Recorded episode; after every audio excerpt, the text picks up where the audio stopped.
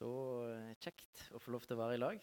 Kjekt dere valgte å være her på en sånn nydelig søndag.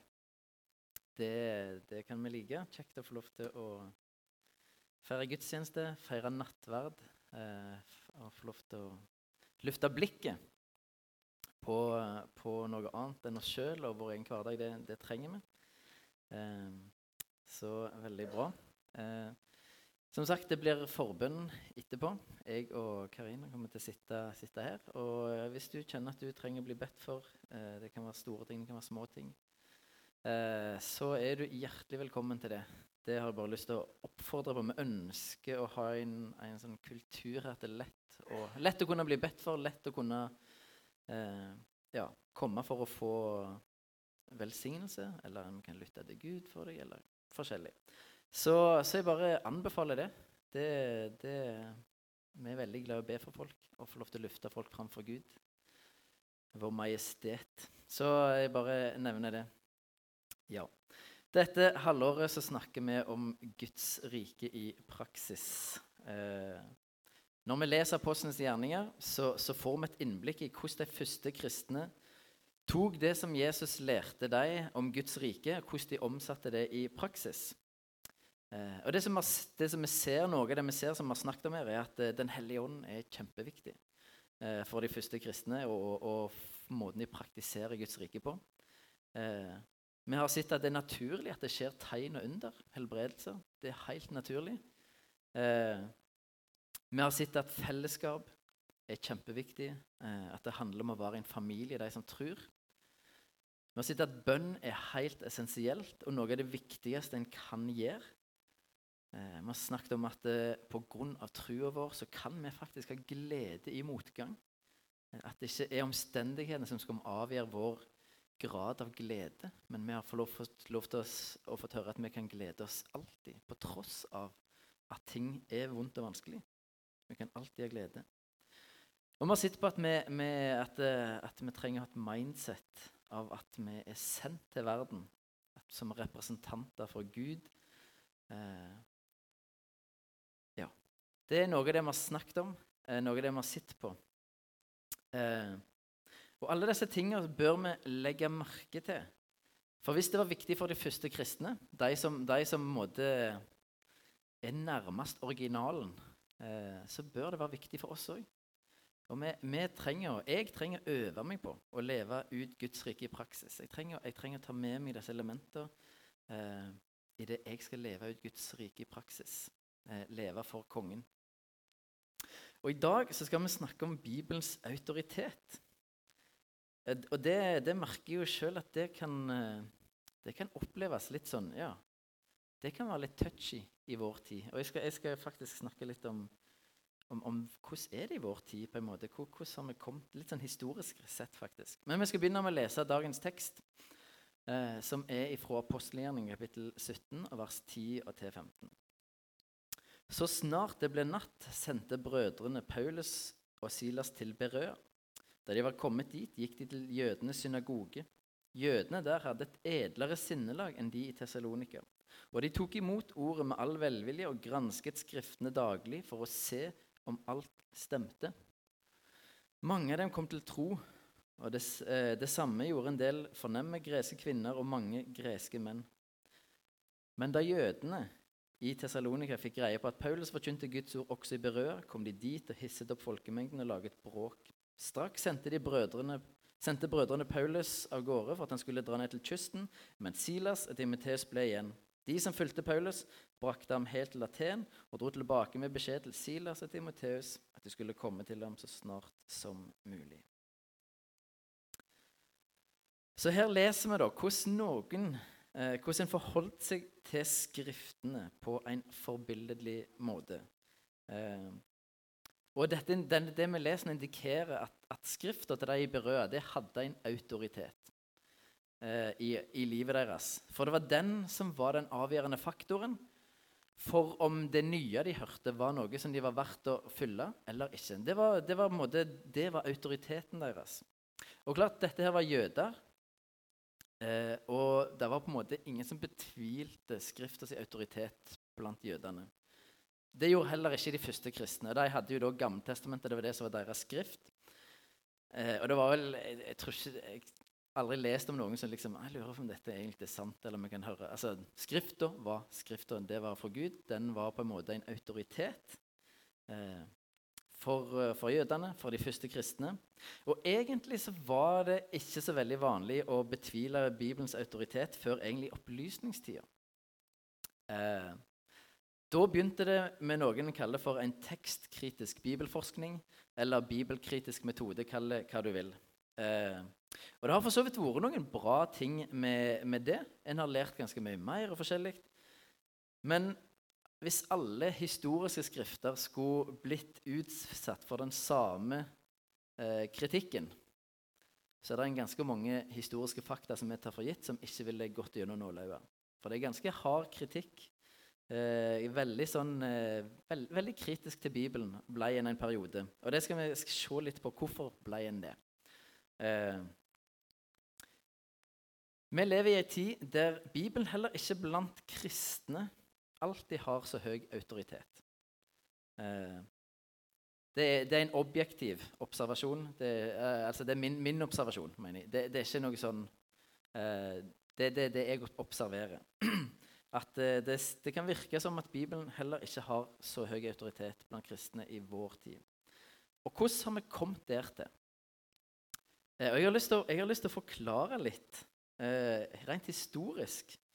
Eh, se litt på de store linjene fra opplysningstida, for da, da det skjedde et markant skille. Det som skjedde i opplysningstida, den, den starta på slutten av 1600-tallet.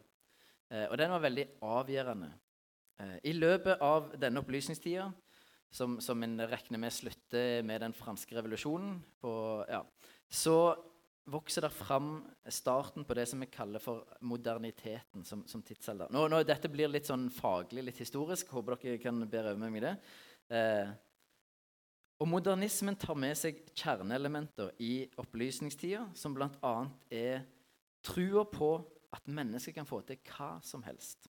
Alt er mulig eh, for mennesket. Det er den ene tingen. Eh, og den andre tingen er at mennesket kan få til hva som helst, og det trenger ikke lenger Gud for å få det til. Det er på en måte de to avgjørende faktorene. For før det så var på en måte mennesket en, en hadde ikke sånn, Han hadde ikke gjort veldig vanvittig store framskritt. Opplysningstida ble det gjort store framskritt vitenskapelig sett, og begynte å tenke mennesket kan få til hva som helst. Gi det nok tid, gi det nok, nok uh, kunnskap, så kan det få til hva som helst. Eh, og nå trenger vi ikke Gud lenger. Det er de store oppdagelsene. Vi trenger ikke Gud for å få til dette. Og Det kan jeg se bare blant teologer. Eh, at eh, De som f.eks. For forska på endetida, eller måte studerte endetida, så var disse store tyske teologene spesielt som var ledende, liksom kom til konklusjonen at ja, dette med at Jesus kommer igjen ja, det, det, tror vi egentlig ikke så mye på lenger. For mennesker kommer til å utvikle seg til en sånn nivå at himmelen er, og sånne ting, det er ikke noe Altså Det er mennesker som utvikler seg. så Det, trenger, altså det med endetida det må egentlig bare være litt sånn tull. Det, det kan ikke stemme. For, ende, for, det som kommer til å skje, at vi utvikler oss så vanvittig at det er det som blir himmelen. på en måte. Det var Så sterkt var tanken teologene òg tenkte i disse banene. her. Eh, så en trenger ikke Gud lenger. Gud har blitt nedgradert. Det er på en måte eh, greia. Det er på en måte de hovedelementer som, som måte kjennetegner eh, en del av opplysningstida og starten på moderniteten. Og Nå skal jeg ta fem, fem, kjennetegn på moderniteten. Dette høres litt sånn eh, teit ut, sikkert, men jeg skal ta det likevel. For det, Og jeg skal forklare litt hva det går i. Eh, det første kjennetegnet på, på moderniteten eh, ja, det er da trua på sannheten og metoden og Det vil da si at en har en tro på at det går an å finne sannheten bare du har rett metode. Sannheten finnes en plass. Så lenge du, altså, vi har mulighet til å finne sannheten om alt så lenge du bruker rett metode. Det er et sånt kjennetegn.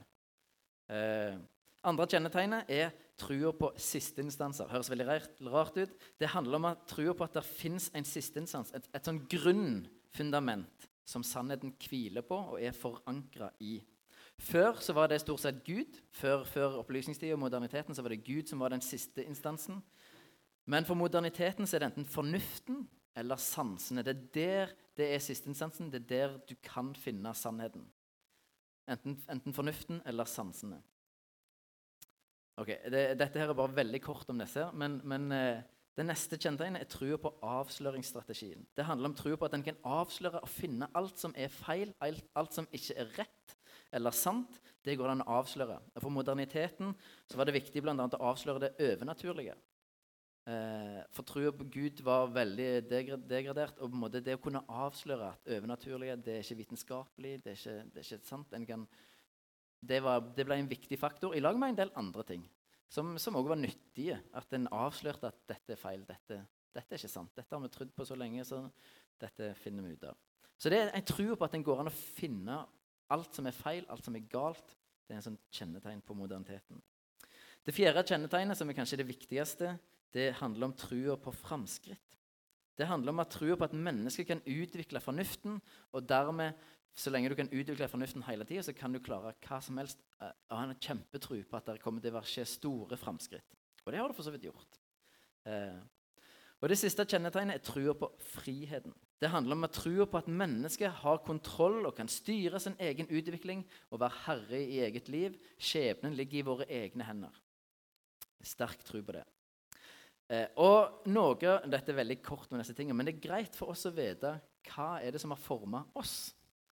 Eh, du kjenner kanskje igjen noe av disse tankesettene til dels. At ja, dette tenker vi jo, dette for så vidt er en greie. Men vi lever jo ikke i moderniteten. Vi lever i postmoderniteten, eller postmodernismen. Post betyr etter. Altså vi lever i tida etter moderniteten. Eh, og dette er ikke sånn, er ikke sånn eh, hard facts. Det er ikke alltid alle som er enig i at vi har kommet i postmoderniteten ennå. Men, men eh, de fleste er enige om at ja, det er vi. Og det er ikke lett å måle disse tingene her. Uh, men det en kan si, er at etter to verdenskriger på begynnelsen av 1900-tallet så fikk en del av disse tankene til moderniteten seg en solid knekk.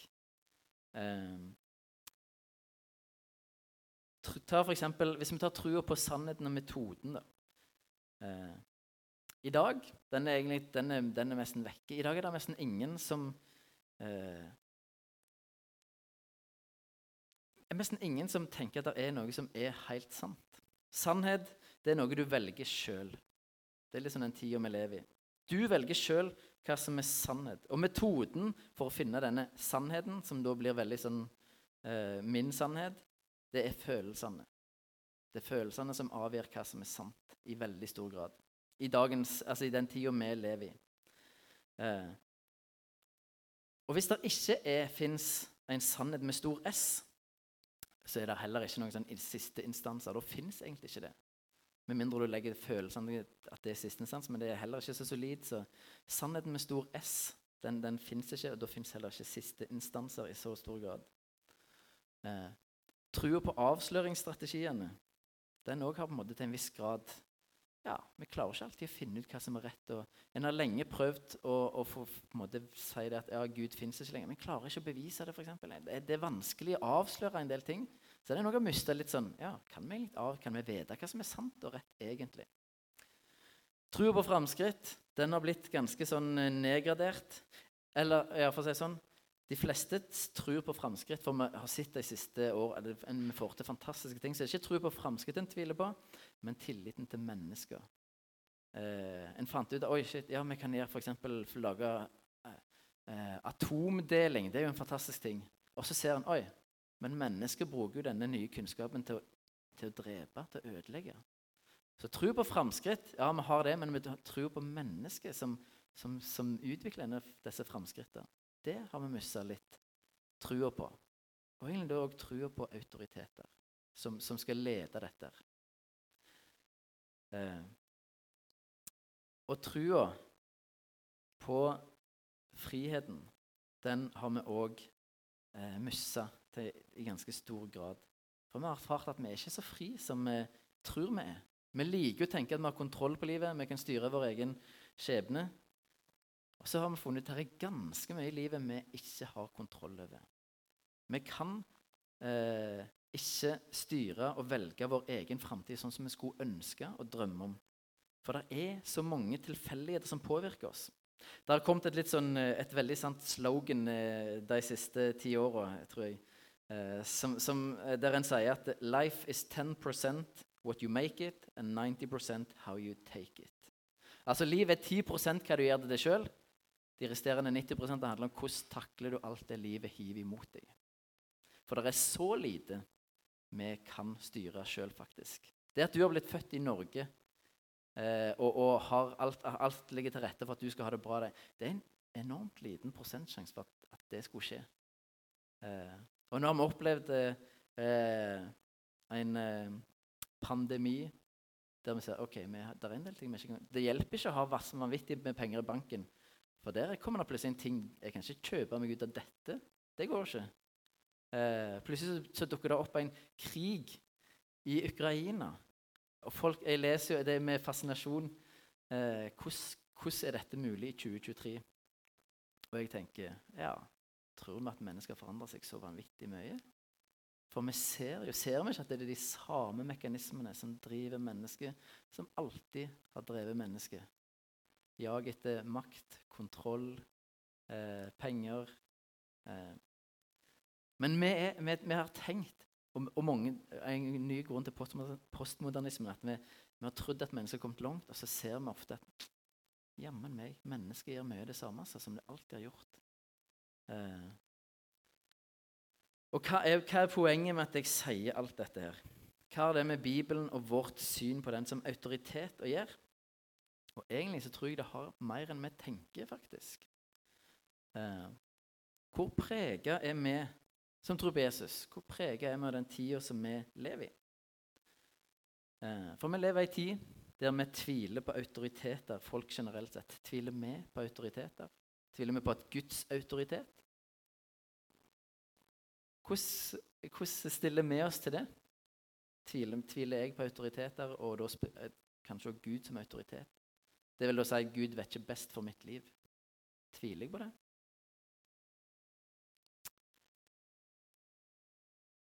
Vi tviler ofte på mennesker, for det er en del av postmodernismen. at ja, Vi har noe tvil til mennesker.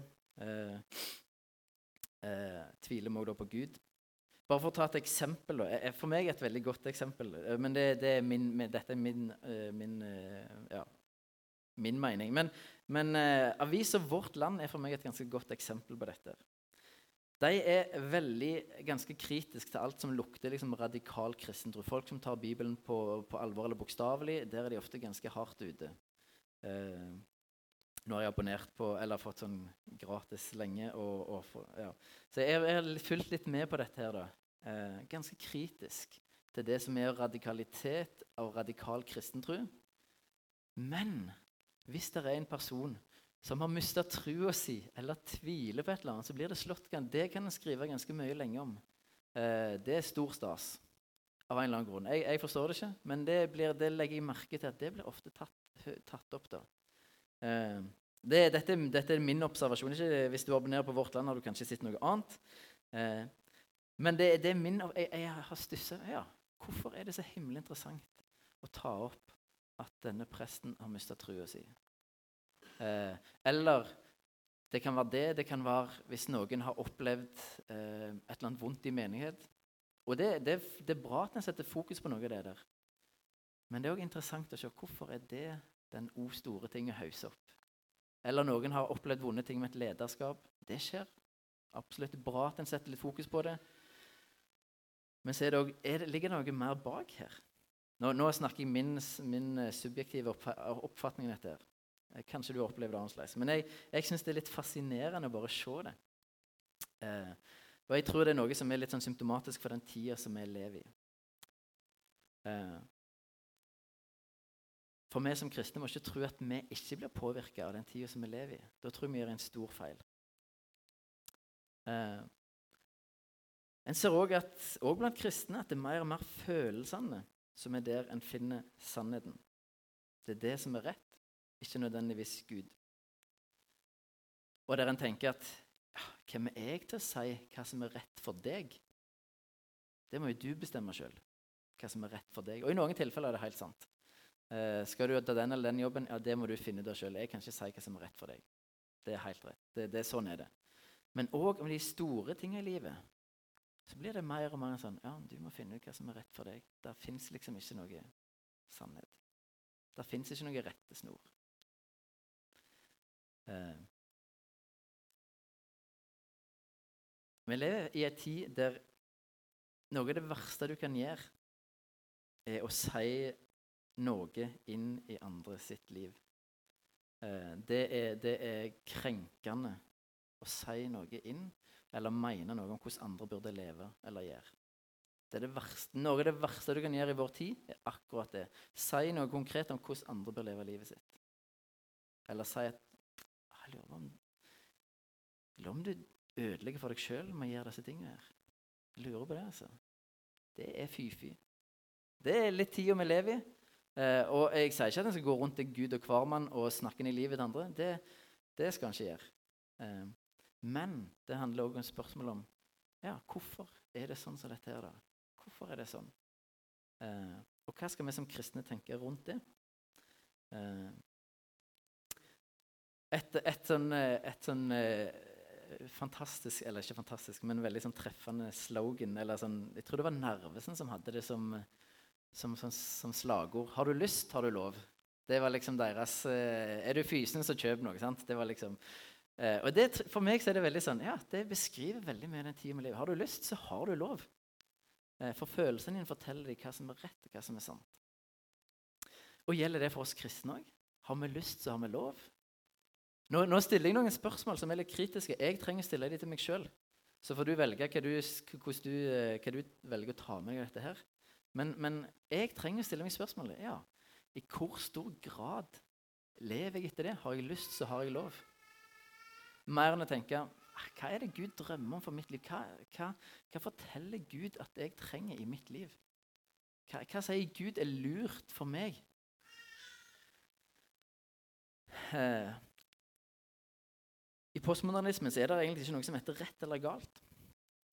Er det sånn blant oss kristne òg? Det er ikke noe rett eller galt lenger. Eh, en, en, en, har, lenge prøvd å fjerne dette med f.eks. skyld. Eh, og det klarte en i stor grad.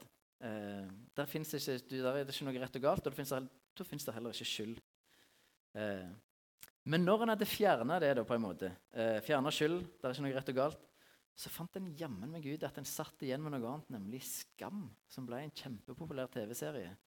Som traff både, både, ungdom og godt voksne i 50-60-åra. En fant ut at jammen meg, selv om vi sier at det er ikke noe rett eller galt, så kjenner vi på noe likevel. Vi drar med oss noe. Det hjelper ikke å ta vekk skylda. Vi sitter igjen med noe mye verre. Vi sitter igjen med skamma. Der skylda sier at ja, du har gjort noe galt, det er på en måte greit. Skamma sier det er noe galt med deg. Den går på identiteten vår. Det er utrolig fascinerende at det, det funker ikke å ta vekk skyld. Det funker ikke å si at det, noe, det fins ikke rett eller galt lenger. Det er hjemme meg noe skam noe inni oss som forteller oss et eller annet. Eh, og Jeg tror, jeg vet ikke om den, den serien hjalp så veldig på den skammen som folk kjenner på heller. Det er jeg veldig usikker på. Kanskje. Eh. Hva med vår tid, der en plukker og mikser det som en syns passer seg sjøl, av livssyn, etikk, moral og religion. Det er noe som kjennetegner postmodernismen, den tida vi lever i. En, en, plukker og mikser litt sånn Ja, dette ligger fra, dette ligger fra denne religionen, dette ligger ved moral her. Den, det syns jeg er en god ting. Den, den, dette tar meg, du skal ikke lyge. Det, den er jeg enig i. Og så plukker en og mikser litt sånn ifra Det ser man både i religioner, livssyn, moral, alt mulig. Det, det er liksom plukk og miks, det som du kjenner for sjøl. Eh, og spørsmålet ja, Skjer det med oss som kristne? Er vi bevisst på dette? Plukker og mikser litt her litt der? Eh, og nå, nå, nå, setter jeg ting litt på spissen. Og det, det kanskje det høres eh, litt sånn pessimistisk ut. Eh, og det er på ingen måte alt som er galt i tida vi lever i. Det er ikke poenget mitt, og det er ikke budskapet her. Eh, der skjer mange gode ting, og det har skjedd når mange ting i utviklingen har vært bra for oss. Eh, Poenget mitt er at vi trenger å være klar over disse mekanismene. Klar over hvor, hvor kommer vår, vår tid fra. Hva kommer de fra? Hva, hva er opphavet til det? Eh, og hvor, i hvilken grad blir jeg påvirka av det? I hvilken grad blir du påvirka av den tida som vi lever i? Eh, for vi blir påvirka. Eh, vi blir påvirka av dette. Vi er barn av vår tid, men vi skal ikke være som alle andre. Eh, hvis vi leser Romerne 12,2, så skriver Paulus at innrett dere ikke etter den nåværende verden, men la dere forvandle ved at sinnet fornyes. Så dere kan dømme om, det som er, om hva som er Guds vilje, det gode, det som heter glede for Gud, det fullkomne. Så vi skal ikke være som resten av verden. Eh, vi skal være annerledes. Og hvorfor skal vi det? Fordi vi har ikke verden som vår autoritet. Men vi har Gud som vår autoritet. Vi tilhører, vi tilhører Gud. Han er vår konge.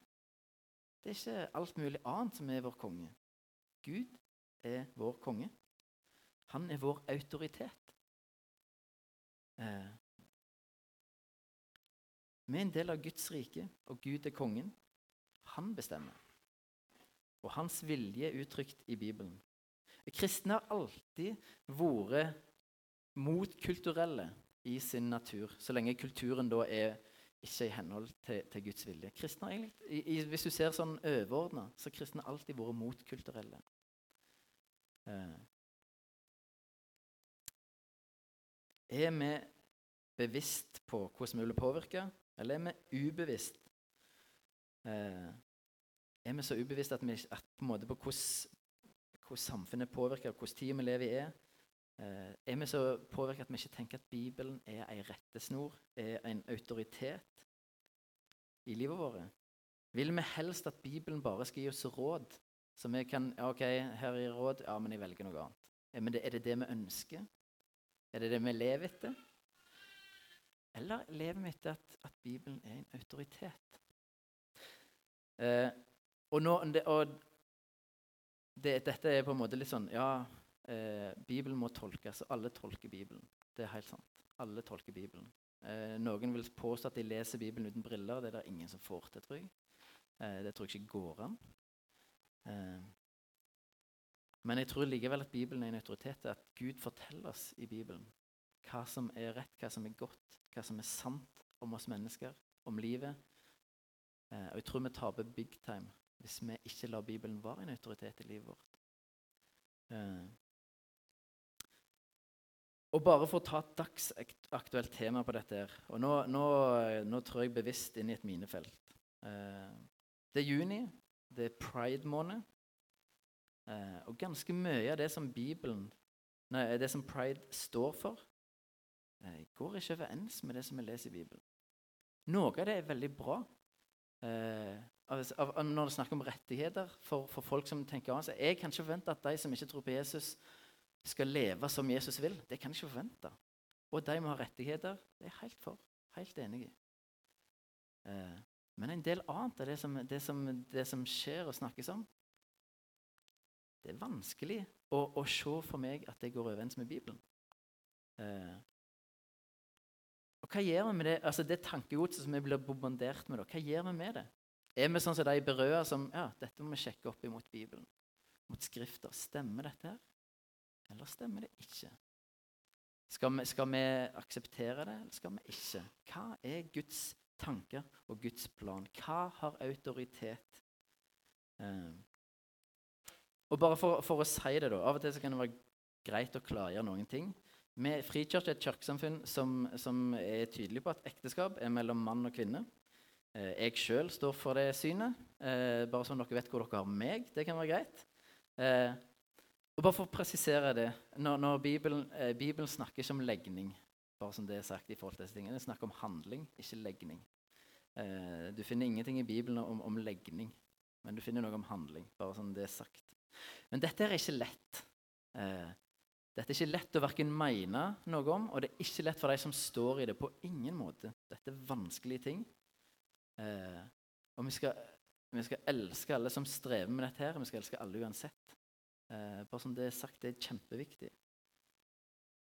Men det som i stor grad er avgjørende for oss som kristne, er hva har vi tillit til? Har vi tillit til Guds ord? Har vi tillit til at Gud vet hva han holder på med, eller har vi ikke det? Det er et stort spørsmål som vi trenger å stille oss. Eh, og det, det, kan godt være at folk som mener noe annet enn meg, mener ja, men jeg har tillit til Guds ord. Det er måten du tolker på. Ja, det er på en måte sant. Eh, det er måten du tolker på. Eh, men en tolkning kan du ikke ta helt ut av det blå heller. Eh, Har vi tillit til at Gud vet hva som er best for oss, sjøl når vi ikke alltid helt forstår? For det er da det er vanskelig. Noen ting er at du ikke skal lyge. Ja, kan, Den kjøper alle. Det forstår vi. Det er greit. Vi, vi, skal ikke lyge. Det er bra for mennesker å ikke lyge. Den kjøper alle. Alle, alle, alle religioner og livssyn, alle er enige om at det er ikke lurt å.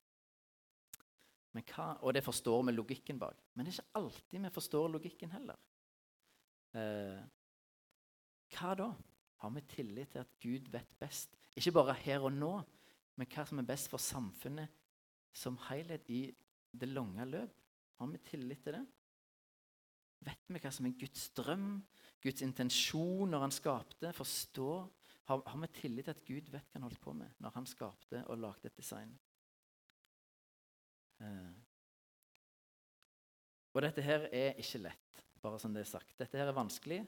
Eh, og jeg har full forståelse for de som syns det, det, er vanskelig å lande der som jeg sjøl lander. Jeg har full forståelse for det. Eh. Men, men en, må, en, må, en, må, stille spørsmålet ok, hvordan forholder en seg til Bibelen. Hva autoritet har det i livet mitt? Og på hva måte, hvordan ser det ut? Det må en stille seg. Og så må en stille seg spørsmålet hvor påvirker jeg av det som verden forteller meg? Hvor påvirker jeg av det? Eh, ta, hvis du ser f.eks. på seksualitet da, i seg sjøl eh, det som f.eks. Pride eller Foreningen FRI da, Hvis dere bør sjekke litt på nettsiden deres hva de står for. Seksualitet handler egentlig mest om nytelse. Det er stor grad det det går i. Du må være fri til det ditt, gjøre sånn som du har lyst til å nyte sånn på hva måte du vil. Sier Bibelen det samme om sex? Bibelen har et mye høyere syn på seksualitet enn som så. Et veldig mye høyere syn på seksualitet. Altså Når Gud skaper verden, bare legg merke til det, så skaper Gud ting som kan skape nye ting. Gud skaper ikke en statisk verden. Han skaper tre og planter og dyr som kan skape nye ting. Og, og ikke bare skape helt det samme, men variasjoner. Gud elsker å skape. Gud elsker kreativitet. Det er noe av hans vesen at, at en kan skape nye ting. Og så skaper han seksualitet, noe av det fineste vi har. Eh, og så skaper han sånn at den seksualiteten når den skjer mellom mann og kvinne, så kan den skape en nytt liv. Seksualitet er ikke bare til for nytelse, men det er òg til å skape til det fineste Gud, noe av det fineste Gud har skapt. Satt han i ramme av et ekteskap for at det kan skapes nytt liv. For Gud elsker liv. Gud elsker at vi skaper nye ting. Eh, og når sex er utfor mann og kvinne, så blir det ikke nytt liv det bryter med noe av fundamentet av hvem Gud er, og hva Gud skapte seksualitet til å være. Det bryter med hans karaktertrekk, hva Gud drømmer om. For meg er det et, sånn, det er et kjempeviktig punkt. Eh, for alt vi gjør, skal jo vise tilbake til Gud. Eller ta en ting som går det an å være født i feil kropp. Det blir fortalt ganske ofte nå, selv om det ikke er noen vitenskapelige greier. Men, men det går an å være født i feil kropp. Er det et bibelsk prinsipp? Og Hva er drivkreftene bak disse tankene? Har du tenkt på Det Jeg sier ikke at det, det kan være utfordrende for mange. Kjempeutfordrende. Men hvor kommer disse tankene fra? Og Der er vi tilbake litt sånn til den tida vi lever i. At eh, en prøver å normalisere det som egentlig er statistisk unormalt. Fordi vi lever i en tid der det ikke er en gud, det er ikke noe rett eller galt. Og Da kan du ikke si at noe er feil eller unormalt. Det går jo ikke. Det går ikke opp med tida vi lever i, med de verdisettene. Det går ikke opp. Da må det som er unormalt, normaliseres. Ja, En kan ikke si at noe er Nei, det, det, det, er faktisk litt galt. Det er litt galt. Eh. Jeg skal ikke si hva du skal tenke om dette. Det er helt opp til deg. Men jeg vil oppfordre deg til å tenke nøye gjennom det. Det vil jeg oppfordre til. Eh. Går dette an? Går det an? Hva, hva tenkte Gud om kjønn? De tingene der? Er det mange? Er det to? Hva er Guds design? Hva er Guds drøm? Hva er det han skapte oss til? Det bør vi tenke gjennom. Det bør vi tenke gjennom. Skal vi kunne identifisere oss som noe annet enn det biologien vår tilsier, eller skal vi ikke? Det, og dette her er avgjørende spørsmål, for dette går på kjernefamilie og det går på oppvekst til unger. Dette er kanonviktige spørsmål. Vi lever i et samfunn som er bygd opp på ekteskap mellom mann og kvinne. Og vi er inne i tidenes eksperiment. der han prøver å løsrive det som ekteskap og si det er noe annet. Det som hele samfunnet er bygd opp på. Det er et, en aner ikke, en aner virkelig ikke hva en holder på med. Det er et eksperiment som er vanvittig. Og utfallet kan være Ja, det vet vi jo ikke helt, men, men jeg tror, jeg tror vi, må, vi må, Her må vi tenke gjennom hva for oss òg. Eh, hvordan forholder vi oss til dette? Hvordan forholder vi oss til dette? her? Skal jeg kunne identifisere meg som en japaner på 42? Jeg, er det greit? Kan jeg si det? Jeg tror jeg er en japansk mann på, på 2,40 meter. Og jeg vil at du skal tenke det om samme med meg. Litt ironisk, for som by the way. Hvis jeg, hadde, hvis jeg, hadde, sagt at jeg identifiserer meg som en mann på, på 120 kg Det har vi faktisk et navn på. Det heter anoreksia. Det er en sykdom. Eh, det, det, er en sykdom. Det har vi et navn på. Men det andre, det er de andre tingene Når du identifiserer deg som noe annet enn det du er, eh, det er greit. Altså, ha, Tenker vi logisk om dette? Her må vi være litt, vi være litt på hva er Guds drøm. Det er poenget her. Hva er Guds drøm, og hvor påvirka er vi av, av, det verden vi lever i? Eh, har du tillit til at Gud vet best, på tross av hva du føler? Og det er ikke sånn jeg mener at du skal stole blindt på det som Bibelen sier. Uten noe, altså, ja, Den trenger aldri logikk. Nei, det skal du ikke gjøre. Eh, det er absolutt logikk. I det meste er det logikk. Men ofte så vil Bibelen sitt syn krasje med samfunnet sitt syn i en del ting. Eh, og det er ikke alltid lett å finne logikk. Eh, og jeg kommer ikke til å se ned på noen som, som lander på et annet syn enn det jeg gjør. Eh, ikke i det hele tatt. Men jeg er frimodig med å si det som jeg opplever Bibelen sier, og det som vårt kirkesamfunn står for. Eh, for det jeg opplever under hele Bibelen, at familien er mellom mann og kvinne. Eh, er fundamentet for, for hele for, for, samfunnet vi lever i. Men hva når vi opplever da at ja, det er ikke alltid logikk. Kan vi stole på Gud? Har Bibelen fremdeles autoritet? Eh, Gud eh, I en del ting så ser vi stykkevis og delt, som Bibelen sier. Mens Gud har det overordna blikket. Gud har det overordna blikket. Så det vil være tider der vi ikke forstår ja, men hvorfor dette, Luka? Nei, hvorfor dette, Gud? Hvorfor, hvorfor, dette er, hvorfor dette greia? Hvorfor skal vi gjøre dette, da? Jeg kan tro at det er folk i Bibelen som har ja, men Gud, hvorfor dette? Altså Når Josfa får beskjed ja, dere skal marsjere rundt muren i én dag, én eh, gang per dag, og siste dagen sju dager altså, Er det en måte å erobre en by på? Traske rundt byen, liksom? Hva, hva er dette for noe, Gud? Men de gjør det. De stoler på det. Stoler på at Gud vet hva han holder på med. Veldig irrasjonelt å traske rundt en by. Og så blåse noen uh, trompeter liksom siste dagen. Er Det en metode, da. Hadde det vært meg, så hadde jeg gjort det på en annen måte. Garantert. Men Gud gjorde ikke det. Gud gjør ikke det. Eller hva med når Abraham får beskjed om å ofre Isak? Ja, men Gud, du kan jo ikke gjøre det. Jeg vet det er folk som mister trua bare pga. den historien der. Men hvis du tenker i den tida der det var vanlig i religionene rundt å ofre ungene sine Ofre den førstefødte til guden Molek. Det var en vanlig ting. Israelittene gjorde det òg etter hvert. Så det, er ganske naturlig at Aron sier ok, ja vel. Dette er vanlig i andre religionene. Han kjente ikke Gud så godt.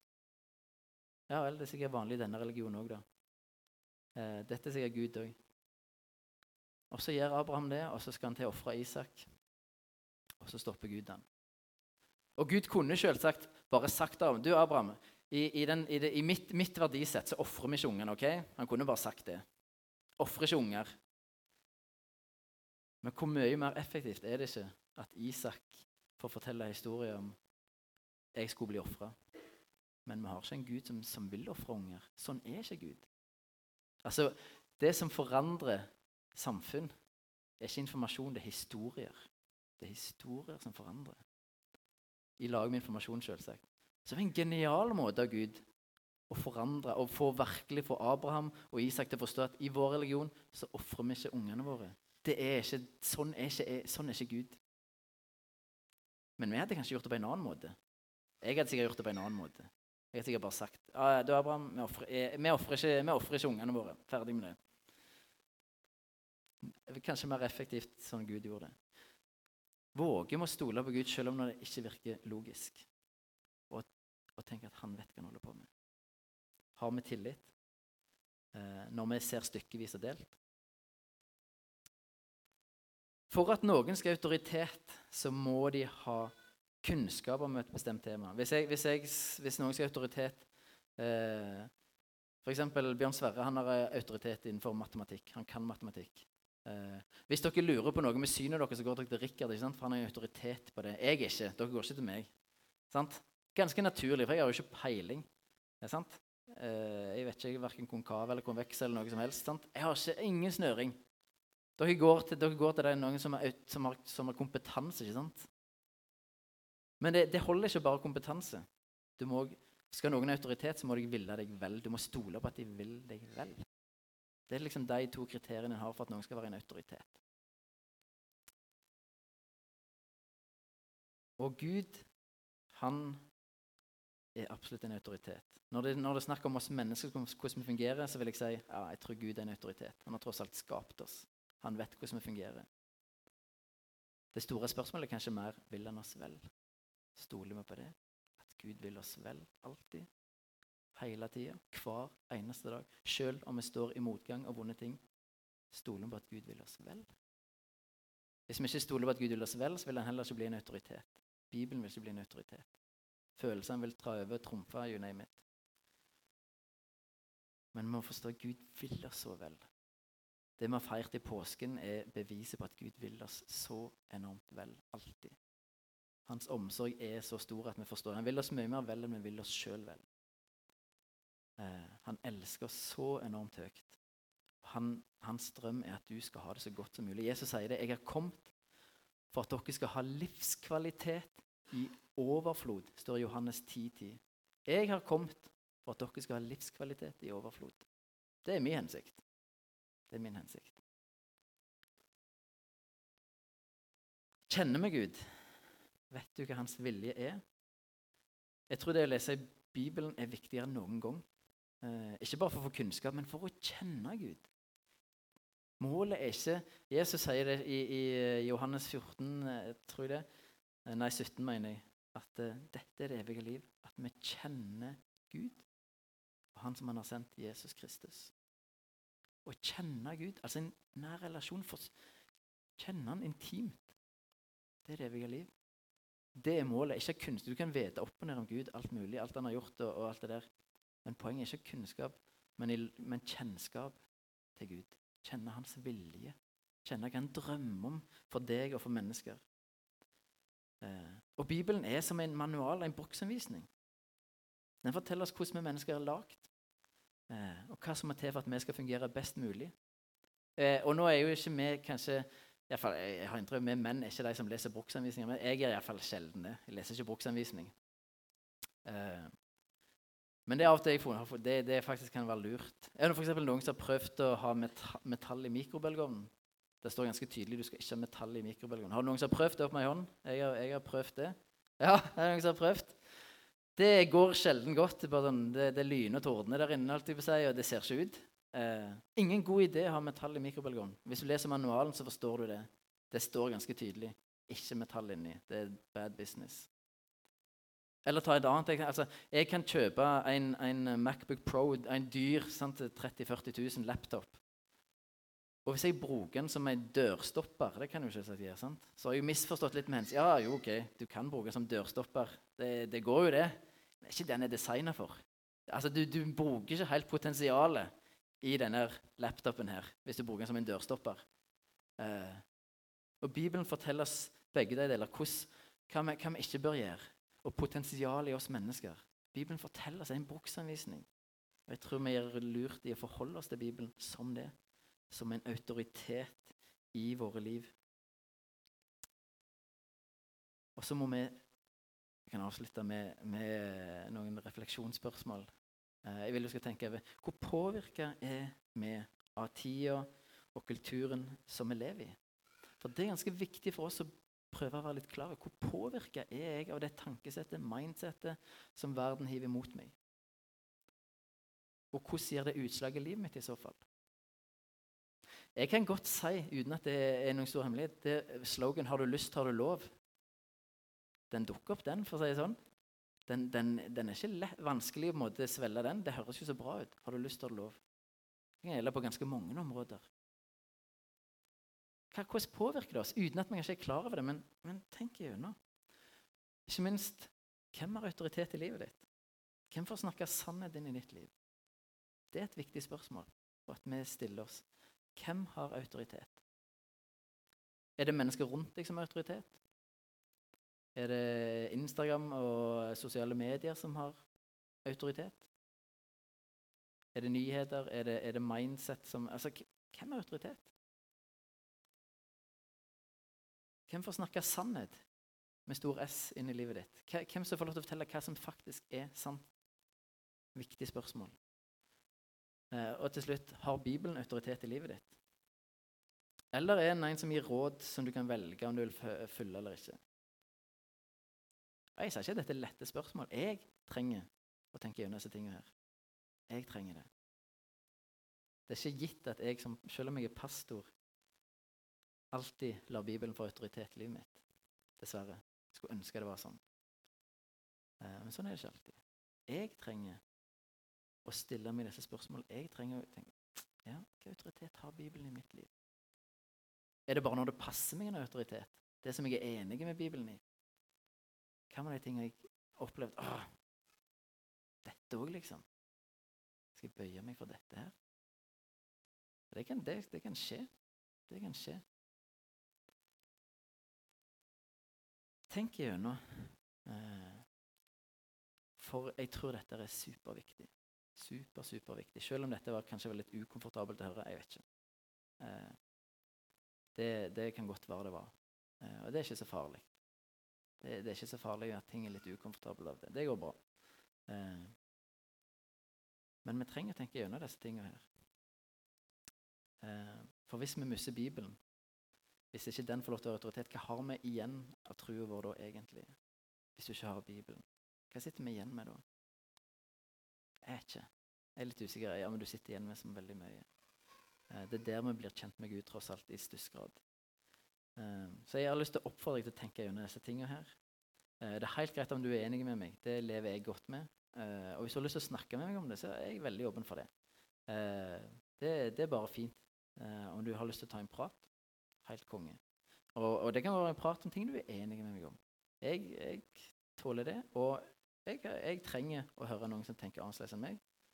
Og så kommer jeg til å måle det opp mot Guds ord og prøve å finne ut hva som faktisk er Guds vilje. Eh, så det er du hjertelig velkommen til. Eh, men jeg, har lyst spesielt Tenk over i hva grad vi påvirker tida vi lever i. Hvor mye får det innfly innflytelse i våre liv? For det verste vi gjør, tror jeg, er å tenke at vi blir ikke påvirket. Det, det, tror jeg, det tror jeg en, en, Da feiler vi litt. Eh, og vi trenger å se hvor ting kommer ifra. Hvor kommer verdisett ifra? Eh, ja. Jeg, jeg, eh, tror vi lar den eh, Jeg tror vi stopper der. Bare be litt til slutt. Jesus, jeg har lyst til å takke deg for din godhet. Jeg har lyst til å takke deg for din omsorg for oss. Jeg har lyst til å takke deg for at du ønsker oss livskvalitet i overflod. Takk for at du er sånn. Takk for at du er Gud.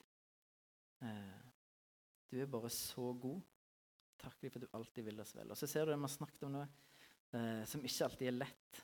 Eh, det, er, det, kan være vanskelig å navigere dette her. Men vi ber om at vi skal få lov til å få se din vilje, Gud. Ber om at vi skal få lov til å elske alle mennesker som du har sagt. At vi skal få lov til å elske alle. Elske våre fiender. For sånn er det i ditt rike. Eh, og Vi ber om at du skal gi oss visdom, innsikt og kunnskap. Eh, hjelp oss å bli mer og mer kjent med deg, Gud. Kjenne din, ditt hjerteslag for oss mennesker. Hjelp oss å møte alle med din godhet, med din omsorg, med din kjærlighet. Og så har jeg lyst til å be om at hvis det er noe jeg har sagt som ikke er fra deg, Gud, så ber jeg om at det bare skal falle dødt til jorda. At det skal bli glemt. Så ber jeg om at det som er fra deg, At det skal bli til liv. Eh, at det skal bli til sannhet i våre liv. Ber om at du skal velsigne hver enkelt. Du ser hvordan alle her har det. Velsign hver enkelt i det de står i, i det som skjer i livet. Hold i hånda med dem, beskytt mot alt vondt. Jeg har lyst til å be deg for Ulsteinvik. Ber om at du skal velsigne denne plassen. Ber om at ditt rike skal komme, at din vilje skal skje, Gud. At du skal få bli stor. At, få, at din godhet skal få lov til å bare flyte fritt på denne plassen her. Jeg ber for de andre menighetene. Velsign dem. Ber om at du skal, at du skal bygge de kirker her i Ulsteinvik, og at du skal være med i alle lederskap, alle råd, alt som skjer. Eh, kom og velsign denne plassen, Gud. Vi trenger deg. Vi trenger din godhet. Takk for at din godhet aldri tar slutt. Velsign resten av gudstjenesten. Ber om at vi skal ha det godt i lag. Eh, at dette skal være en god plass å være. Det ber vi deg om i ditt navn.